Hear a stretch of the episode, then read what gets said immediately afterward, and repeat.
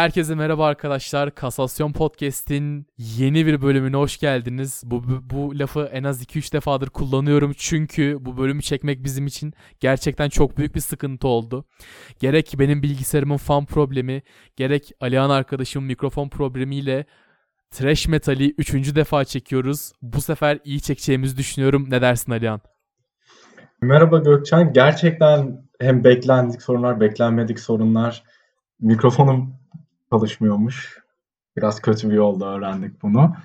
Ee, ama e, yine de şey, geçenki sohbetimizde e, yükleyemeyecek olsak bile çok keyifliydi. Ben yine aynı şekilde çok güzel bir program olacağını düşünüyorum. O yüzden yine aynı heyecanla, aynı heyecana sahibim şu anda da. Hem bana da bir bahane oldu. Senin gibi bir insanla bir daha trash metal konuşma şansı yakaladım. Belki de bilerek yapmışızdır. Ne dersin? Metal ben biraz daha diğer türlere göre az dinliyor olabilirim dinlediğim diğer türlerle kıyasladığım zaman. Ama metal dinlemeyi çok seviyorum ve üzerine konuşmaydan da böyle çok keyif alıyorum. O yüzden hani aslında mikrofonumun böyle çalışmanı görünce bir daha da çeksek böyle yine bir saat falan metal konuşsak ne, ne güzel olur diye de düşünmüştüm. Bakalım gerçek oluyor yeniden. Bu arada tekrar çekmek ve dinlemek demişken dinleyicilerimize de buradan çok teşekkürlerimizi iletelim. Toplam 100 dinlenmeyi geçmiş bulunmaktayız.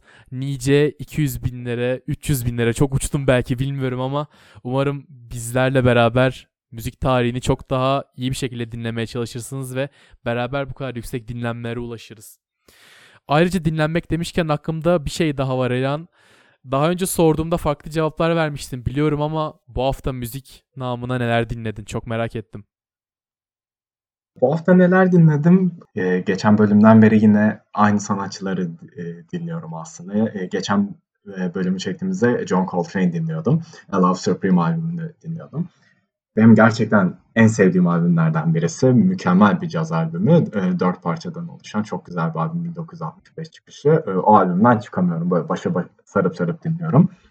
Onun dışında e, üstüne bir, biraz metal konuştuğumuz için sen de metal dinlemeye dönmüşüm. Gojira'nın Magma albümünü böyle biraz dinliyordum. Onun, onun en, özellikle de Stranded şarkısını sürekli dinliyordum ve Megadeth batağına yeniden düştüm. Rust in Peace 1990 daki albümlerine göre mükemmel bir albüm. Zaten yine birazdan da bahsederiz. Genel olarak ben bunları dinledim. Ee, bir de biraz daha aslında popüler olmayan bir grup ve müzik türü Free Jazz e, dinliyordum. Art Ensemble of Chicago. Biraz daha insanların araba kazası şeklinde nitelendirdiği bir müzik ama özellikle özellikle stresli anlarımda benim her zaman yanımda olan bir grup Art Ensemble of Chicago. Sen neler dinledin bu hafta? Ya da geçtiğimiz günlerde? Bu hafta benim müzik skalam gerçekten çok genişti. Master tatlı DJ prodüktörünün Perfect Ten albümünü dinledim. Birazcık daha rap R&B ağırlıklı. Bir yandan Chopin'in Impromu şarkılarını dinledim. Nocturne'lerini dinledim. Bir diğer yandan da Slayer'ın Rain and Blood albümünü dinledim. Bu üç albüm arasında gidip geldim diyebilirim. Gerçekten çok geniş bir skala olduğunu da itiraf etmem gerekiyor. Gerçekten geniş bir skala olmuş. Slayer'dan da birazdan yine bahsederiz diye düşünüyorum. Ben thrash metal tarihinden bahsetmeden önce senin John Coltrane sevgilini genişletmek istiyorum. Aldığım duyumlara göre bitkilerine John Coltrane'in albüm adlarını veriyormuşsun. Öyle bir şey duydum ben. Evet, artık yeni bir ailemin ailemizin yeni bir üyesi var. Bir fesleğenim oldu kendisine Love Supreme'in ikinci şarkısının adı Resolution'u koymayı düşünüyorum. Tamamen e, John Coltrane takıntımdan dolayı oluyor. Hiç pişman da değilim açıkçası. John Coltrane çok büyük bir sanatçı. Bence kesinlikle bir kalem kutuyla bile ya da bir matara ile bile böyle müzisyeni anmak gerçekten çok doğru bir yöntem. Kendisini de buradan tekrar anmış olalım. Ve thrash metal'e seninle başlayalım istersen. Trash metal'e başlayalım ama e, ben sana ilk önce en başından böyle e, başlamak istiyorum seninle. Trash metal nedir? Bize biraz anlatabilir misin? Evet, tabii ki anlatırım. Trash metal, heavy metal'in bir alt dalıdır. Yüksek agresyonlar, hızlı tempolarla bu müzik zenginleştirilmeye çalışmaktadır. Genelde gerçekten çok hızlı bir şekilde percussive bitlerin kullanıldığı yaklaşık 220 BPM'lerin gitar rifflerinin birazcık daha bas tonlarında olduğu, normal gitar akorlarından birazcık daha kalın tonda olduğu ve gitarların shredding style dediği gerçekten metalin de ötesinde çok daha sert bir gitar sesi katan bir müzik türüdür. Ayrıca şarkı sözleri içerisinde doğanın yok edilmesi ya da black metal'de duyduğumuz Hristiyanlık doğasına aykırı eylemlerin yapılması ya da bu Hristiyanlık doğasına aykırı hareketler bulunuyor thrash metal şarkı sözlerinde.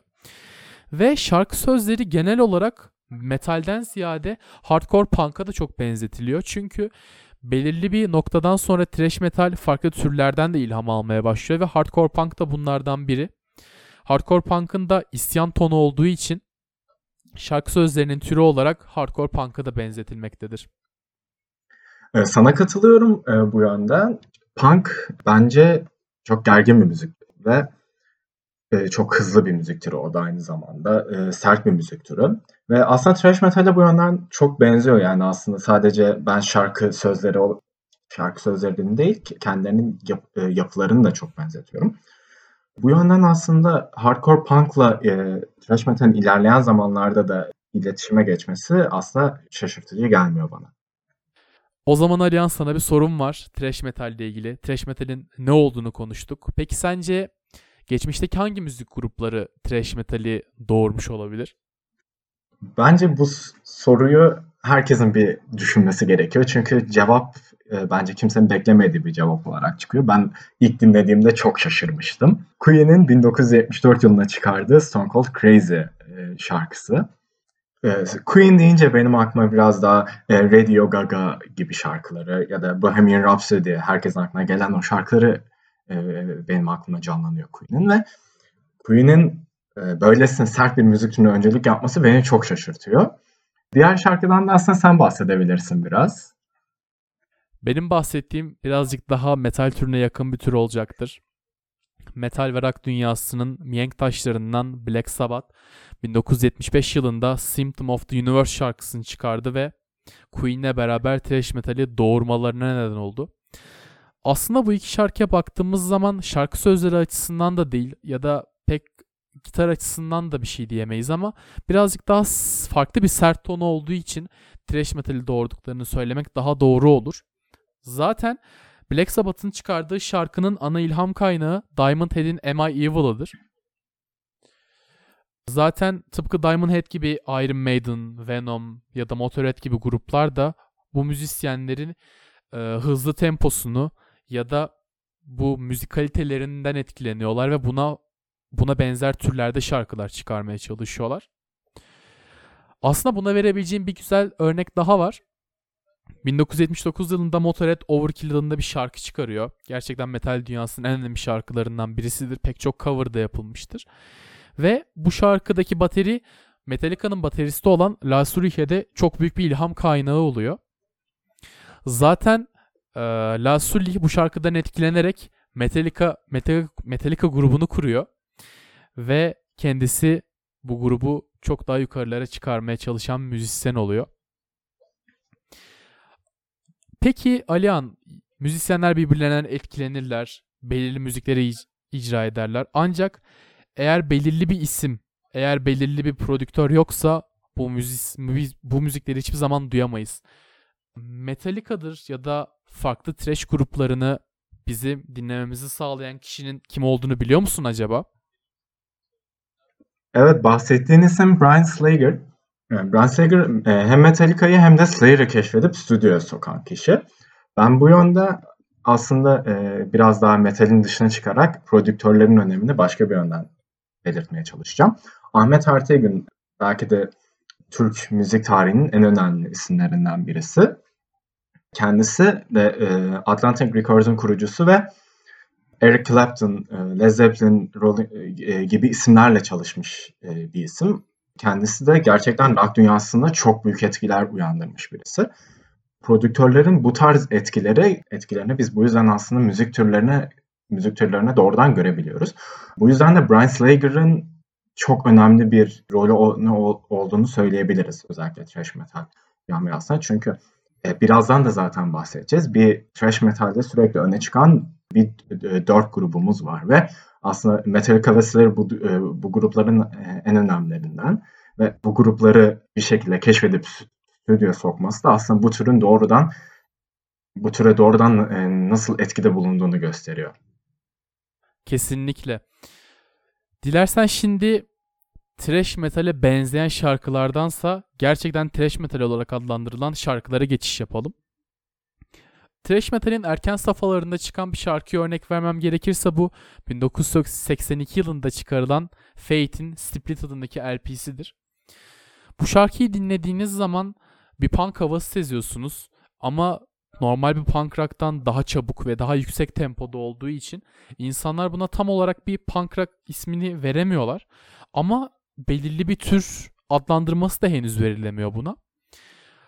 Ama biz her ne kadar şu an sadece Amerika'dan örnek vermiş olsak da thrash metal benzeri şarkı türü aynı zamanda Avrupa'dan Avrupa'dan da çıkmaya başlıyor. İngiliz grup Venom'un 1979 yılında çıkardığı ve 1982 yılında çıkardığı albümlerle thrash metal grubu olarak hatta metal dünyasında önemli bir yere geliyorlar. Bu albümlerde Hellhammer, Slayer ve Mayhem gibi grupların izlerine rastlıyoruz. Bütün herkesin birbirinden etkilendiği net bir şekilde ortada.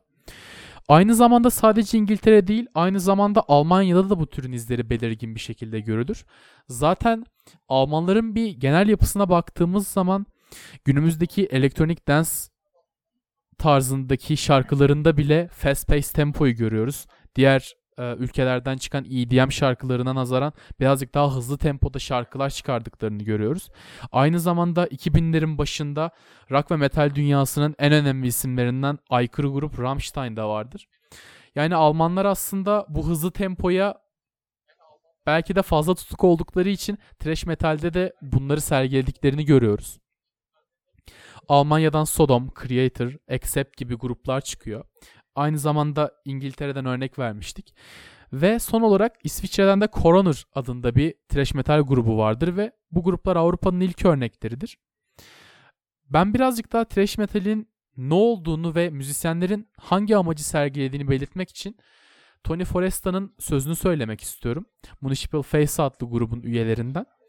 Grubun hedefinin insanların yüzüne patlayan bir bomba gibi olacağını ve kendilerinin bunu yaparken ne kadar çok zevk alacağından bahsediyorlar. Aslında bu birazcık da insanların belirli şeyleri isyan ederken ya da anarşi esnasında duydukları zevke de çok benziyor.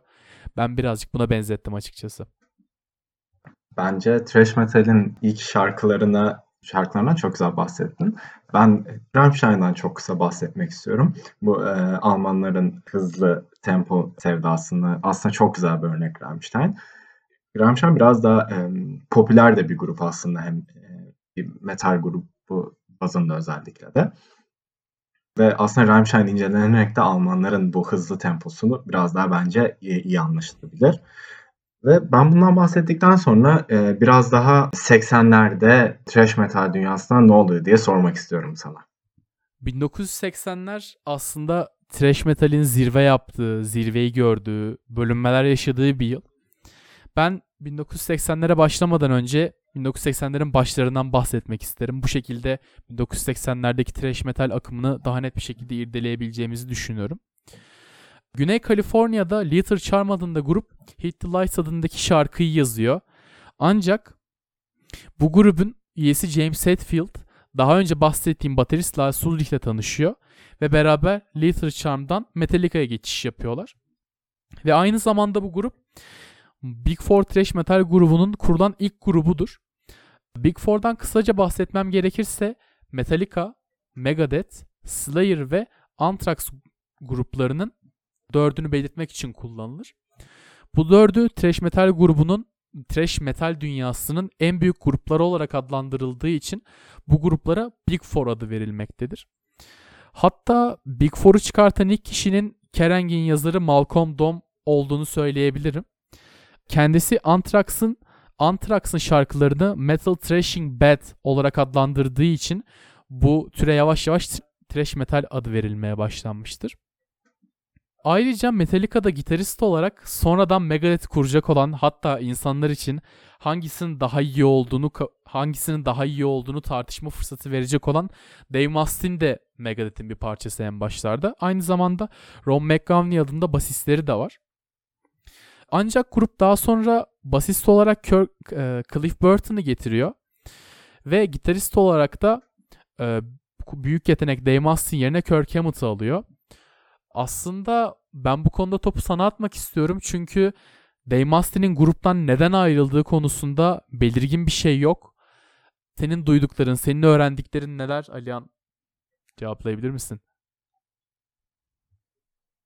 Mustaine'in Metallica'dan ayrılışı, Metallica'dan kovulması bence metal tarih açısından çok önemli.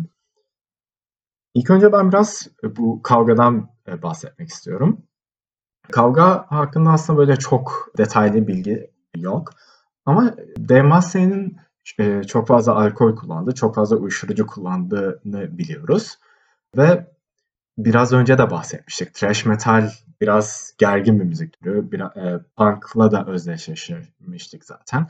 Bu yüzden biraz daha farklı karakterler olduğunu söyleyebiliriz thrash metal sanatçılarının. Ve Dave Mustaine'de iddiaya göre galiba köpeğini stüdyoya götürüyor ve bu sırada köpeğe e, grubun basçısının arabasını çiziyor ve sonrasında James Hetfield'la kavga etmeye başlıyorlar. Bundan sonra Dave Mustaine gruptan e, atılıyor ve e, Megadeth, Megadeth'i kurmuş oluyor. E, Big Four'un diğer büyük grubunu. Ve ben bu, bu tarz bu kavgayı bir de şu şekilde yorumlamak istiyorum. Biz e, müzik dünyasına baktığımız zaman bu tarz kavgalarla karşılaşıyoruz. Bunun bir diğer örneği de George Harrison ve Eric Clapton'ın e, yaşamış olduğu küçük bir anlaşmazlık diyebiliriz. Eric Clapton'ın George Harrison'ın eşine aşık olup belki de en güzel e, rock şarkılarından birisi olan Layla'yı yazmasını örnek gösterebiliriz. Bu tarz olaylar aslında e, sanatçılar arasında gerginlik oluştursa da müzikal anlam, e, müzikal anlamda çok büyük katkıları katkılar sağlıyor. Kesinlikle dediğin görüşe katılıyorum. Bu kavganın nihayetinde biz Megadeth ve Metallica adında iki farklı mükemmel grubu dinlemiş olduk. Uzun vadede müzik piyasasına çok büyük bir yararı olduğunu düşünüyorum ben de. Ancak keşke çok daha iyi bir şekilde ayrılsalardı ama yapacak bir şey yok tabii ki. Dave Mustaine ayrılmadan önce e, grubun daha önce yazmış olduğu Hit the Lights 1982'de derleyip yayınlanıyor. Ve bundan bir yıl sonra stüdyo albümü olan Kilemol'a dönüşüyor bu. Ve Kilemol gerçekten thrash metal'in en iyi albümlerinden birisidir. Her ne kadar Metallica'nın en başarılı albümlerinden olarak nitelendirilmese de benim thrash metal'e en yakın olarak gördüğüm albümlerden birisidir. Bir diğer yandan başka bir Big Four grubu olan Slayer'ın kuruluşunu anlatmak istiyorum. Ee, gitarist Jeff Hanneman ve Kerry King'in tanışmasıyla ortaya Slayer çıkıyor. 1981 yılına denk geliyor. Daha sonra bu süreç grubun basisti ve solisti Tom Araya'nın, baterist Dave Lombardo'nun, Brian Slager'ın Slayer'ı keşfedip beğenmesiyle iyice kar topu etkisi gibi, çığ etkisi gibi Slayer'ın büyümüş olduğunu görüyoruz. Ayrıca şöyle ufak bir bilgi daha vereyim. Brian Slager, Slayer'ı Iron Maiden'ın Phantom of the Opera şarkısını coverlarken dinliyor ve grubu gerçekten çok beğeniyor. Bu yüzden Metallica ile olduğu gibi Slayer'la da e, albüm çıkarmak istiyor. Kill tam 4 ay sonra Slayer'ın ilk albümü Show No Mercy yayınlanıyor ve bu da gerçekten thrash metal'in en, en köken albümlerinden birisi olduğunu söyleyebilirim. Orta 80'lere geldiğimiz zaman thrash metal iyice yükselmeye başlıyor ve Megadeth'in 1984 yılındaki Ride the Lightning albümünü çıkardığını görüyoruz. Ayrıca yavaş yavaş farklı grupların da yeni şeyler ürettiğini görüyoruz. Anthrax'ın Fistful of Metal olur. Aynı senelerde Overkill ve Slayer'ın çaldıkları şarkıların extended versiyonlarını yayınlaması olur. Ancak Slayer'ın diğer thrash metal gruplarına ayrılan özelliği diğerlerine göre kesinlikle daha ağır olmasıdır. Özellikle Hell Awaits albümdeki şarkıların gerçekten çok sert olduğunu söyleyebilirim. Ve ortalara yaklaştığımız zaman 1985'te Alman grup Creator'ın ilk albümü olan Endless Pain'i çıkardığını görüyoruz. Ve Brezilyalı grup Sepultura'nın da ilk EP'si olan Bestial Devastation'ı yayınladığını görüyoruz. Ayrıca bu yıllarda Megadeth de kuruluyor. Alihan senin anlattığın gibi Dave Mustaine ayrılıp Megadeth'i kurduğunu biliyoruz. Ee, sana hazır Megadeth'ten bir daha bahsetmişken şunu sormak istiyorum. Sen Megadeth'çi misin yoksa Metallica'cı mısın? Ee, ben bu soruya şu şekilde cevap vermek istiyorum. Ee, öncelikle ikisi de bence mükemmel gruplar. Ee, ikisini de ayrı ayrı dinlemeyi çok seviyorum. Ama ben metal dinlemek istediğim zaman biraz daha ritim, ritminden dolayı metal dinlemeyi tercih ediyorum. Yani dinlediğim şarkılarda ritmin daha fazla ön plana çıkmasını istiyorum. Ve ben e, Megadeth'in bunu çok daha iyi yansıttığını düşünüyorum. Megadeth grubu daha komplike e, ritimler kullanan bir grup. Lars Ulrich biraz daha bu yönden eleştirilen de bir baterist. Kendisinin yeterince iyi çalamadığı iddia ediliyor. Ve e, biraz daha basit e, ya da daha sade çalmasından dolayı böyle bir ses açığa çıkıyor. Bu ses Metallica'nın sesine çok uygun e, oluyor ama benim asıl aradığım ses e, Nick Menza'nın beni dinlediğim zaman hayrete düşüren atakları ve baterisi. Ben bunları dinlemek istiyor oluyorum. Aynı zamanda ben Demase'nin de yazdığı gitar rifflerini dinlemekten çok daha fazla keyif alıyorum. Bu yüzden ben aslında Metallica'dan ziyade Megadeth e, taraftarı olarak görüyorum kendimi. Özellikle de en sevdiğim e, metal albümü e, konuşmanın başında da bahsetmiştim. Rust in Peace. Birazdan yine e, bahsedebiliriz. Ben bu yüzden aslında Megad Megadeth'in tarafında olacağım ama sen bildiğim kadarıyla Metallica tarafındasın. Evet, evet. Ben gerçekten Metallica'yı garip belki garip bulacağım bir şekilde çok fazla seviyorum. Gerçekten çoğu şarkısına kendimden bir parça bulabiliyorum. Özellikle One benim belki de rock ve metal şarkıları arasında en beğendiğim şarkı. Gerek gitar riffleri olsun, gerek James Hetfield'ın solistliğindeki o kirli ses olsun beni gerçekten derinden etkiliyor ve Megadeth'e nazaran Metallica'yı daha çok sevdiğimi söyleyebilirim. Ayrıca senin Megadeth ve Metallica arasındaki tartışmana bir şey daha eklemek istiyorum. Dave Mustaine'le yapılan bir röportajda kendisinin Megadeth kururken neler hissettiği soruluyor ve kendisi Metallica'dan kovulduktan sonra onların kanını istiyordum ve onlardan çok daha hızlı ve çok daha ağır şarkılar yapmak istiyordum diyor. Aslında senin dediğin şey de çıkıyor bu. Bence Dave Mustaine dediği şeyi kesinlikle yapmış. Kimileri daha çok beğenir, kimileri daha az beğenir ama kesinlikle kendisinin ne kadar büyük müzisyen olduğu, etrafına ne kadar iyi müzisyenleri topladığını da bu şekilde görmüş oluyoruz. Bence çok güzel özetledin. Orta 80'lerden bahsediyorken aslında 1986 yılından da bahsetmeden edemeyiz. 1986 yılı e, Master of Puppets'ın yayınlandığı yıl. Bir e, Metallica hayranı olarak da aslında burada sözü yine sana bırakmak istiyorum. Ee, biraz bize Master of Puppets'tan bahsedebilir misin? 1986 yılından bahsettiğimiz zaman kesinlikle Master of Puppets'tan söz açmamız gerekir fakat benim için e, daha fazla bahsedilmesi gereken şey Cliff Burton olur. Metallica'nın en iyi albüm Master of Puppets'tır. Çoğu insan bunu söyler. Çünkü tarihin ilk Platinum Trash albümüdür. Hatta bu ödülü 6 kez kazanmıştır çok fazla kaliteli şarkısı vardı. Ancak ne yazık ki aynı senenin bir sonbahar akşamında, soğuk bir akşamında Cliff Burton'un öldüğünü duyuyoruz. Neden olduğu tam olarak hala bilinmiyor fakat kısa çöpü çektiği için Cliff Burton yukarı yatıyor ve bir otobüs kazasında hatta Stockholm konserinin sonrasında arabadan fırladığı ve feci şekilde can verdiğini biliyoruz. Cliff Burton kesinlikle bir basçıdan çok daha fazlasıydı. Cliff Burton yaşayan bir, yani müziği yaşayan bir insandı. Ailesinden gelen bir yaşama şekli vardı ve Metallica'nın şu anki geleneklerini gruba en iyi şekilde entegre eden kişiydi. Grubun trash stilini bulan, şarkılar yazılırken çok önemli payı olan. Metallica sırf Cliff Burton için Kaliforniya'ya taşınıyor. Gerçekten grup üyeleri tarafından ne kadar sevildiğini görmüş oluyoruz. Ayrıca onun için yazılan bir Nothing, Nothing Else Matters şarkısını da kesinlikle atlayamayız.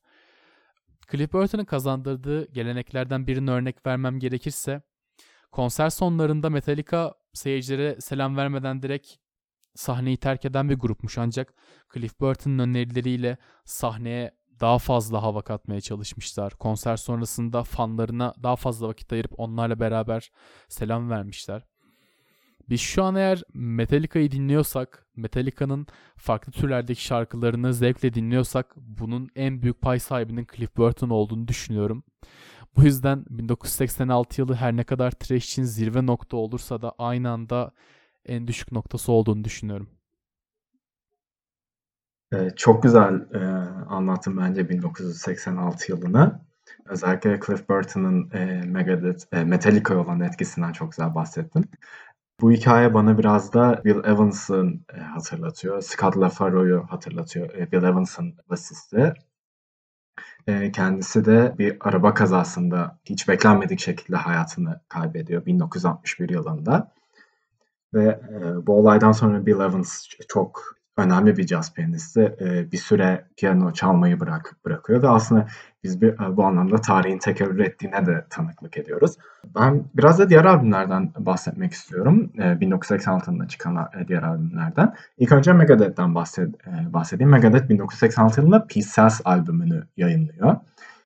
Me, e, Megadeth diğer gruplara kıyasla bence zirvesini biraz daha 1990'larda yaşayan bir grup.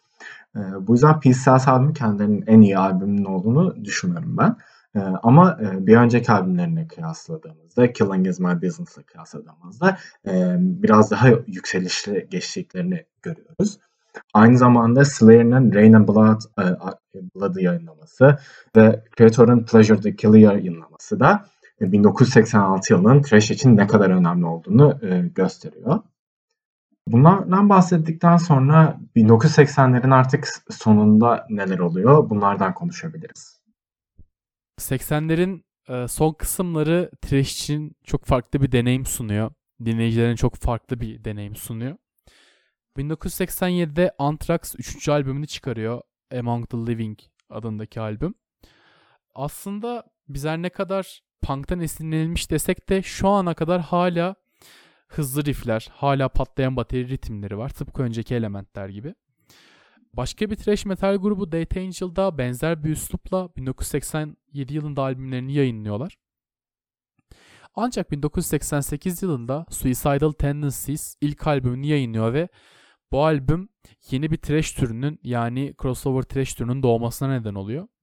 Bunun en büyük nedeni demin de söylediğim hardcore punk türündeki müzisyenin thrash metal icra etmek istemesi.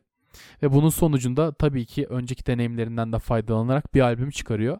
Ve bu nispeten birazcık daha hardcore punk türüne de benzer bir thrash metal havası oluyor. Bu yüzden crossover thrash adı veriliyor. Aynı sene içerisinde Testament'in çıkardığı albümleri dinliyoruz ve müzikal anlamda bir Metallica, bir Megadeth kadar olgunlaşabildiğini anlıyoruz. Bir Big Four popülaritesine ulaşabildiğini. Ancak günümüze baktığımız zaman Testament Big Four içinde adlandırılmıyor. Bu seneler içerisinde thrash metal bir sürü bölünmeye girdi. Aslında 1988'den itibaren başladığını anlıyoruz bunun. Örneğin Watchtower grubunun Control and Resistance albümü jazz metal fusion türlerini içeriyor. Aslında bu türü yaparlarken ana ilham kaynaklarının death metal olduğunu söylüyorlar. Bir diğer yandan Sadus grubunun temel e, sesini basçı Steve D. Giorgio'nun verdiğini duyuyoruz. Ve bu bas da perdesiz bas sesinin yoğun olduğu ağırlıkta. Aslında Alihan sen cazla birazcık daha haşır neşir olduğu için sana sormak istiyorum. Bu perdesiz bas sesleri birazcık da cazda duyulan, basın biraz daha ön planda olduğu bir müzik türü değil miydi? E, cazda çok uzun yıllar boyunca e, 1970'lere kadar kontrabas kullanıldığını görüyoruz. Kontrabas da aslında perdesiz bas niteliği taşıyan bir müzik aleti. Ve e, ben e, biraz şu karşılaştırmayı yapıyorum kendi içimde. Metal e, genelde çok kişi tarafından rock'a daha yakın bir tür olarak gö e, görülüyor. Gerek ritimsel benzerlikleri açısından e, özellikle. Ama ben metali biraz daha caza daha yakın görüyorum. Çünkü death metal gibi türlerde biz çok daha farklı kalıplar kullanıldığını görebiliyoruz. Aynı zamanda aslında biz caza da çok karmaşık bitimlerle karşılaşabiliyoruz. Bu yüzden ben aslında metali caza daha yakın bir tür olarak görüyorum rock'a kıyasla. Ve perdesiz basında şu şekilde bir e, katkısı olduğunu söyleyebilirim. Perdesiz bas kullanımıyla aslında e, sanatçı mikrotonal seslere ulaşabiliyor. Bu yüzden çalabildiği ses aralığı çok daha genişleyebiliyor ve çok daha karmaşık, çok daha detaylı müzik yapabiliyor. Bu yüzden perdesiz basında ben çok önemli olduğunu düşünüyorum. Hem metal için hem de caz için. Kesinlikle katılıyorum söylediklerine. Zaten önceki gruplarda bahsettiğim gibi jazz metal fusionlarının da ağırlıkta olduğunu görüyoruz. Zaten bebop jazz içinde çoğu müzik türüne ilham olduğunu söylemiştik önceki podcast'imizde. Dilersen 90'ları geçmeden önce bu çağlarda çıkan başka thrash metal albümlerinden de bahsedeyim. Overkill en iyi albümleri olarak adlandırdıkları albümleri yayınlıyorlar. Bu çağda Overkill'in gerçekten çok iyi şarkılar çıkardığını görüyoruz. Uh, Feel the Fire, Taking Over, Under the Influence gibi albümler çıkarıyorlar ve gerçekten thrash metal camiasına dikkat çekmeye başlıyorlar. Bir diğer yandan Megadeth'in So Far So Good So What albümünü yayınladığını görüyoruz ve Metallica'da ilk video klipli şarkıları olan benim de favori e, rock metal şarkım olan One'ı yayınlıyorlar. Bir diğer yandan bu senelerde yapılan şarkılarda punk rock ve hardcore punk esintileri olduğunu söylemiştik. Big Four'dan da örnek vermek istiyorum bu türler hakkında. Örneğin Megadeth, Sex Pistols grubunun Anarchy in the UK şarkısını coverlar. Her ne kadar groove metalci olarak adlandırılsa da birazcık thrash metalin içine girdiği için Pantera'nın Position Idea cover yapılır. Ayrıca Overkill'in Ramones ve Sex Pistols gibi grupların şarkılarını coverladığını görüyoruz. Evet, şimdi 90'lara geldik. 90'larda ne oluyor Elian? 90'lar hakkında bilgilerini bizle paylaşır mısın? 90'larda neler oluyor? 90'larda aslında biz thrash metalin yavaşça düşmeye başladığını e, görüyoruz. Thrash metalin popülaritesini kaybetmeye başladığı dönem 90'lar. E, ama thrash metal popülaritesini kaybetmeden önce de e, yine çok başarılı e, albümler e, çıkarılıyor bu dönemde de. Benim favori albümüm olan aslında e, Rust in Peace. E, Megadeth'in 1990'da çıkardığı albüm. Benim en sevdiğim metal albümü. Yine bu dönemde çıkan bir albüm. Aynı zamanda e, Big Four'un diğer grupları da albüm çıkarmaya başlıyor. Bu çağda öne çıkan müzisyenlerden birisi de Pantera aslında. Pantera zamanında punk yapan bir gruptu. Ve Cowboys from Hell'le biraz daha groove tarzına yaklaşıyorlar. Ve, ve biz yine görebiliyoruz ki e, Megadeth ve Slayer tarihin en iyi konserlerinden birisini yapıyorlar Clash of Titans turuyla. Thrash metal düşmeye başlamasına rağmen e, yine de çok güzel örnekler çıkarıyor. Sen neler söyleyebilirsin bu dönem hakkında? Sen bu dönemin thrash metal için pozitif taraflarından bahsettin. Ancak ben dilersen biraz da negatif taraflarından bahsedeyim. Bu çağda Metallica'nın Black albümünü çıkardığını görüyoruz. Fakat bu albümü dinlediğimiz zaman thrash metalden çok hard rock elementleri içerdiğini ve içinde heavy metal soundları olduğunu görüyoruz. Her ne kadar ana kaynağı thrash metal olarak dillendirsek de e, Metallica'nın ilk şarkılarına baktığımız zaman Hit the Lights gibi bir de Black albümünden bazı şarkılara baktığımız zaman Enter Sandman gibi thrash metalden birazcık uzaklaşmaya başladıklarını görüyoruz ve bu diğer grupların da dikkatini çekiyor açıkçası. Örneğin e, Slayer'in gitaristi Kerry King'in bu konu hakkında Metallica'yı taşladığını söyleyebilirim. Kendileri bu konu hakkında şöyle bir açıklama yapmaktalar. Her zaman en iyi thrash metal grubunun biz olduğunu biliyorduk. Kimsenin bizden daha iyi olmadığını biliyorduk. Biz sadece kendi işimizi yapmaya çalıştık diyor. Temelde aslında bu dediği şeyde pek bir yanlışlık yok. Ancak sürekli aynı şeyleri tekrar etmeleri, sürekli kendi işlerini yapmaları onların en iyi trash metal grubu olduğunu gösterdiğini düşünmüyorum. Tabii ki belirli türler içerisinde farklı denemeler olacak, farklı şeyler denenecek. Ancak bunu birazcık da kararında yapmak lazım tabii ki. Bileğe baktığımız zaman thrash metalden gerçekten bir birazcık uzaklaştıklarını görüyoruz. Ve aslında thrash metalin düşüşü bize alternatif metali ve grunge hareketlerini gösteriyor. Ee, ilk podcast bölümünde belirttiğimiz gibi. Bu çağa ayak uydurmak isteyen gruplar daha az gürültülü ve radyolarda oynatılabilecek şarkılara yer vermeye başlıyorlar. Dilersen birazcık da aslında bunun temel nedeninden bahsedeyim. Radyolarda bir tempo kavramı vardır ve en sert şarkıyı baktığınız zaman bile bunun temposu 5'tir ve en en yavaş şarkıya baktığımız zaman bile bunun temposu 1'dir. Tabii ki radyoların belirli istasyonları vardır. Diledikleri müzik türlerini çalmakta serbesttirler ancak neredeyse bütün radyo kanalları tempo olarak 1 ve 5'i çalmamaya çalışır ve bizim thrash metal'e baktığımız zaman genelde 5'te olduğunu görüyoruz. Bu yüzden de radyolarda çok fazla yer edinemiyorlar. Tabii ki Metallica, Megadeth gibi çok popüler thrash metal gruplarını hariç tutuyorum. Ancak tabii ki çoğu müzisyen popüler olanı yönlenmeye çalıştığı için thrash metalin yavaş yavaş bu şeyden ayrılmaya çalıştığını görüyoruz. Ve benim bahsettiğim işi aslında Metallica 1990 ortalarında çıkardığı Load ve Reload albümlerinde yapıyor. Minor Blues ve Güney Rock etkilerini albümlerinde görüyoruz ve grubun önceki soundlarından iyice ayrıldığını aslında bir kanıt daha bu Load ve Reload albümleri. Tabii ki blues ve rock esintilerini kullandığı için. Örneğin bu albümlerin içerisinde dinlediğim ve bana çok trash metalmiş gibi gelmeyen şarkı Unforgiven 2'ydu. Onda birazcık daha tabii ki ağır bir tempo olduğu belli. Belirli bir isyanın da çıktığı belli. Punkımsı sözlerin de olduğunu anlayabiliyoruz fakat bana o şarkı birazcık daha rock gibi geliyordu ve Metallica'nın o albümlerini özellikle dinledikçe bu şarkısını daha dikkatli dinledikçe gerçekten ayrıldıklarını görüyoruz. Aynı şekilde Megadeth'in de 1992 yılında yayınladığı Countdown to Extinction'da daha çok heavy metal tonlarını dinlediğini görüyoruz ve aslında Big Four'un bile yavaş yavaş thrash metal tarzından çıktığını görüyoruz.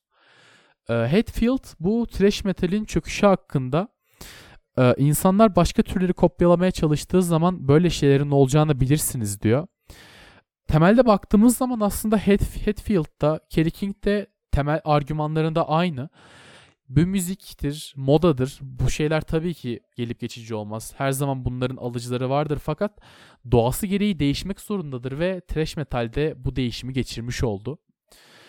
Peki senin 2000 ve 2010'larda dinleyip gerçekten insanların daha fazla dinlemesi gerektiğini düşündüğün bir thrash metal albüm var mı ya da thrash metal bu yıllarda varlık gösterebilmiş mi Alihan? 2000 ve 2010'lardan aslında bakacağımız bak, bakacağımızda e, ben Megadeth'in Dystopia albümünü biraz daha e, dinliyorum. Ama bu albümün de aslında yine senin bahsettiğin gibi ne kadar trash, yani çok trash bir metal albümü olduğunu da düşünmüyorum. Sen Metallica'nın biraz daha e, uzaklaşmasını anlattın e, trash metalden. E, Megadeth de e, Countdown to Extinction'dan sonra e, Euthanasia albümü çıkarıyor ve iyice heavy, heavy metal tonlarına geçiş yapıyor. Ve aslında ben bunu şu şekilde yorumluyorum. Thrash metal dinlemesi çok kolay bir tür değil bence. Çok e, sert ve hızlı olduğu için alışması ve e, dinlemesi e, biraz zor bir tür. Ve e, yine 90'larda grunge'ın çıkışıyla ki grunge bence daha dinlemesi daha rahat bir tür. Popülaritesini yitirmesi bence gayet anlaşılabilir. Ve e, bu nedenlerden dolayı ben 2000 ve 2010'larda artık e, karşımıza çıkan bu e, grupların thrash metalden de biraz daha uzaklaştığını düşünüyorum. Dilersen ben de 2000 ve 2010'lu yıllarda en beğendiğim thrash metal albümünden bahsedeyim. Benimki Slayer'ın Repentance albümüydü. Gerçekten Rain and Blood esintisini hissettiğimi söyleyebilirim. Gerçekten eski türe yakın bir thrash metal albümünü 2010'larda dinlemek bana çok keyifli gelmişti. Ancak senin de söylediğin gibi thrash metal 2000 ve 2010'lu yıllarda çok fazla varlık gösteremedi ve yeniden müzisyenler arasında dirilmeyi bekliyor. Thrash metal'in tarihi bu kadardı. Dilersen birazcık daha müzik tonundan bahsedelim. Ee, senin bateri çaldığını biliyorum.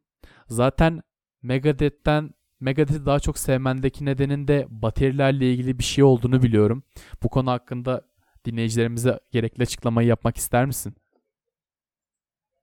Benim bu türün e, baterisinden ve müzik tonundan bahsetmem gerekirse e, ikisini kıyaslamam aslında e, çok doğru olacaktır. Nick Menza e, ve Lars Ulrich e, yine e, Metallica ve Megadeth'in bateristleri. Lars Ulrich çok eleştirilen bir baterist. Kendisinin çok yavaş çaldığı söyleniyor ve bence bir metal türüne göre gerçekten de yavaş çalıyor ve tekniğinin de e, yeterince iyi olmadığı söyleniyor. Ritim kaçırdığı da iddia ediliyor. E, ben bunlara tamamen katıldığımı söyleyemeyeceğim. Nick Menza'yı kesinlikle çok daha başarılı bulmama rağmen Lars Ulrich'in çok daha farklı bir çalış şekli var. Çok daha sade çalarak bence e, Metallica'nın sesini çok daha ön plana çıkarıyor ve ben bu yönden Metallica'yı dinlemekten çok keyif alıyorum. Ama Nick Menza'ya baktığımız zaman insanı şaşkına çeviren süslemelerle karşılaşıyoruz ve e, çok daha sert çaldığını görüyoruz. Bu yönden ben Nick Menza'yı dönemin en başarılı bateristlerinden birisi olarak görüyorum. Aynı zamanda Lars Ulrich'in de çok fazla kullandığı double double kick ile çok karşılaşıyoruz. Double kick de e, biraz daha bas havası kattığı için e, şarkıların patlatıcılığını ön plana çıkarıyor. Ve burada e, bateri setindeki hi-hat kullanımının biraz daha az olduğunu ve e, biraz daha crash kullanımının ön plana çıktığını görüyoruz. Bunlar da yine e, şarkıların sertliğini artırma konusunda önemli faktörler. Gerçekten bana ve dinleyicilerime thrash metal bataryasının nasıl olduğunu ve nasıl çalınması gerektiğini çok güzel özetledin. Dilersen ben de son olarak gitardan bahsetmek istiyorum. Ben burada referans olarak Slayer gitaristi, ana gitaristi Kerry King'i kullanacağım. Bizlere 11 adet farklı tavsiye veriyor. Ben bunları birazcık daha özetleştirerek genel bir konuşma olarak aktarmak istiyorum size. Tabii ki Kerry King'e göre ellerinizin çok hızlı olması lazım ki bu çok doğal çünkü thrash metal'in doğasında hızlı çalmak var. 220 BPM'e kadar çalınması gerektiğinden bahsediyor. Ancak siz pratik yaparken kesinlikle bir anda 220'ye çıkmamanız gerektiğini, örneğin 140 olur, 150 olur buna benzer BPM'lerden 220'ye yavaş yavaş çıkmanın daha doğru olacağından bahsediyor. Zaten Kerry King bile her konserinden önce direkt şarkılara girmektense nispeten yavaş şarkıları çalarak belirli pratikler yapmaya çalışıyor. Kendisi bu röportaj için belirli bir pratik çalma listesi hazırlamıştı. İlk olarak Sepultura'nın propaganda şarkısını söylüyor. Ee, şarkının çok hızlı olmadığını ve pedal tekniğini iyi uygulandığını söylediği için e, giriş şarkısı olarak uygun olduğundan bahsediyor. Daha sonra Pantera'nın Hostile şarkısından bahsediyor ve propagandaya göre daha hızlı olduğunu ve propaganda şarkısıyla kendi şarkılar arasında bir köprü görevi gördüğünden bahsediyor. Daha sonra yavaş yavaş BPM'leri hızlandırarak kendi şarkılarından Reborn, Jihad ve Repent çaldıklarından bahsediyor. Bunları en az 2 veya 3 kere mükemmel bir şekilde çaldıktan sonra hazır olduğunu belirtiyor kesinlikle. Ayrıca bu işin kesinlikle bir şov işi olduğunu ve her gün sırt ve boyun egzersizleri yaptığından bahsediyor. Zaten kendisi konserler esnasında da vücudunu çok fazla kullanan müzisyen. Bu yüzden bu egzersizleri yapmasını ben hiç yabancı olarak karşılamadım aslında. Ayrıca bize çok önemli tekniklerden bahsediyor. Örnek olarak gitarda vibrato tekniğinin çok önemli olduğundan bahsediyor. Her ne kadar kendisi uygulamasa da eğer gelecekte bir müzisyen olup metal gitaristi olup kendi şarkılarını söylemek isterseniz vibrato tekniğini sizi çok fazla kurtaracağından bahsediyor. En başında söylediği gibi pratiğin ve şovun kesinlikle entegre bir şekilde çalışılması gerektiğinden bahsediyor. Hatta gerekirse konser esnasında fanlarınız fanlarınızı mutlu edecek hareketler yapabilmek için belirli notalar bile kaçırabileceğinizden bahsediyor. Onun dışında kesinlikle yanınızda her zaman metronom bulunması gerektiğinden bahsediyor. Bu hem kendinizin çalışabilmesi için hem de kendi şarkılarınızın ritmini ağzınızla ya da başka bir aletle çıkarırken diğer müzik partnerlerinize belli şeylere verebilmek için. Ayrıca belli şeylerin pratiğini yapmadıkça kesinlikle bundan kaçılması gerektiğinden bahsediyor. Örneğin Vemi pedalının sesi ne kadar güzel olsa da bu konuda kesinlikle ustalaşılmadığı sürece kesinlikle bunun kullanılmaması gerektiğinden bahsediyor. Ve son olarak genel olarak özetlemem gerekirse kendi gitarını bulmanın çok önemli olduğunu, kendi equalizer ayarlarının çok önemli olduğunu ve bunlardan da önemli sadece bir şey olduğunu yanında çalıştığın müzisyen partnerlerinden bahsediyor. Kerry King röportaj esnasında sürekli Gary Holt'u övüyor ki Gary Holt gerçekten çok iyi bir gitaristtir. Kendisi olmadan bu şarkıları kesinlikle çıkaramayacağını, kendisiyle ortak müzisyen olduğu için bu şarkılardan çok daha fazla besteleyebildiğini söylüyor. Ve kesinlikle size buna benzer ilhamlar verebilecek müzisyenlerin etrafınızda olması gerektiğinden bahsediyor ve benim gitar hakkında söyleyeceklerim bu kadar. Hatta genel olarak thrash metal hakkında benim söyleyebileceklerim bu kadar Alihan. Ee, senin onun dışında eklemek istediğin başka şeyler var mı? Benim de aslında eklemek istediklerim bu kadar. Kerry King'in de aslında dediklerine şu şekilde belki bir yorumda bulunabilirim. E, thrash metal gerçekten çalması çok zor bir müzik türü. Bütün enstrümanlar açısından çok hızlı olmak gerekiyor. Ve e, bu yönde gerçekten çok fazla pratik yapmak gerekiyor.